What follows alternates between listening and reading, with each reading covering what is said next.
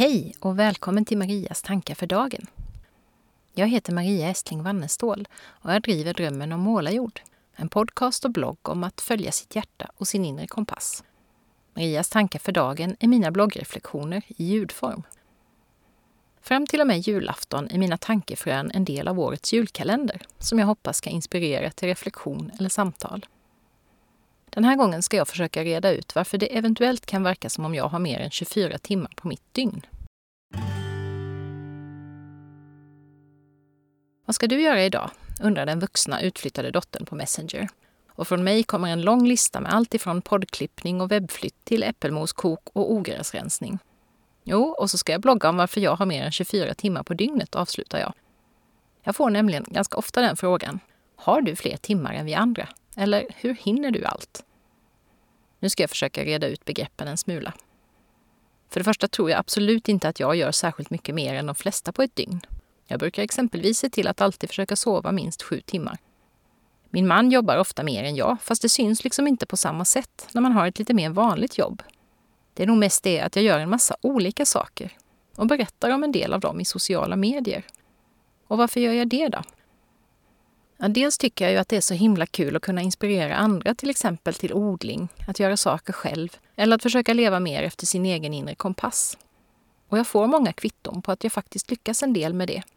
Även om somliga förstås också blir superstressade och tror att de måste göra allt det där som jag gör. Jag hoppas att de i så fall stänger av mig från sina flöden istället för att låta mina inlägg påverka dem negativt. Dels är jag egenföretagare och om inte jag berättar om det jag gör så finns det ju ingen som vet om det och exempelvis kan köpa mina återbrukskuddar och böcker eller läsa mina kurser. Att använda sig av gratis marknadsföringskanaler är himla praktiskt när man inte har några pengar att betala för sånt. Så är jag ju en berättare också, annars hade jag väl inte satsat på författaryrket. Jag älskar att berätta små historier, om mitt liv och om saker jag snappar upp omkring mig. Och visst hinner jag med en massa saker, men det finns också en hel del medvetna val som påverkar. Jag har till exempel skalat bort en hel del inbillade måsten ur mitt liv.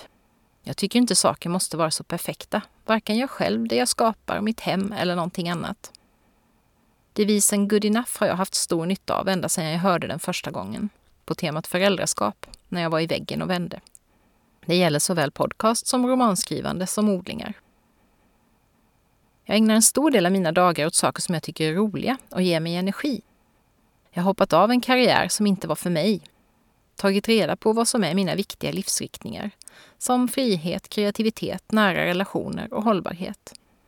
Och försöker utgå från dem och göra medvetna val. Helt enkelt prioritera det som ger mig lust att leva och aktivt hopp om framtiden. Jag omger mig idag också så mycket mer än tidigare av personer som brinner för olika saker. Som också har kommit fram till vad som är viktigt för dem och lever efter det. Och som jag både kan gråta och skratta tillsammans med. Då kan vi ge varandra energi och ork även när det är motigt. För det är det såklart för mig också emellanåt. Även det där som är ganska tråkigt och ändå måste göras förr eller senare, som disk och tvätt, tycker jag blir mycket roligare om jag exempelvis lyssnar på ett intressant poddsamtal samtidigt. Eller så gör jag det tillsammans med barn eller man och får ett litet samtal om livet på köpet.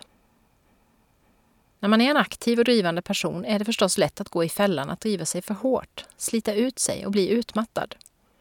Jag har varit där flera gånger. Men jag blir allt bättre på att ta hand om mig själv. Och det är väl därför jag också orkar mycket.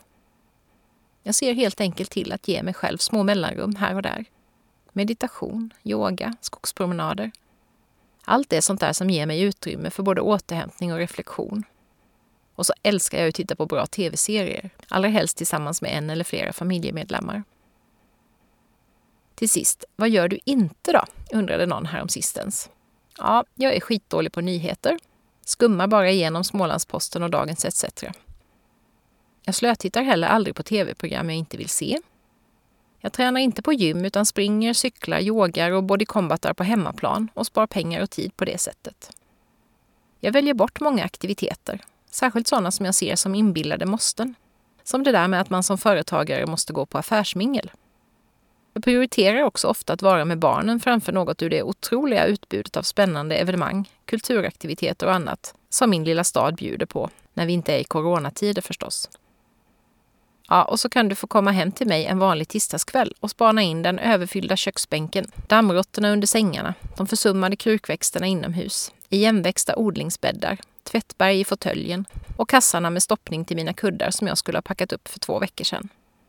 Jo då, när det gäller vissa saker är jag också väldigt bra på att prokrastinera.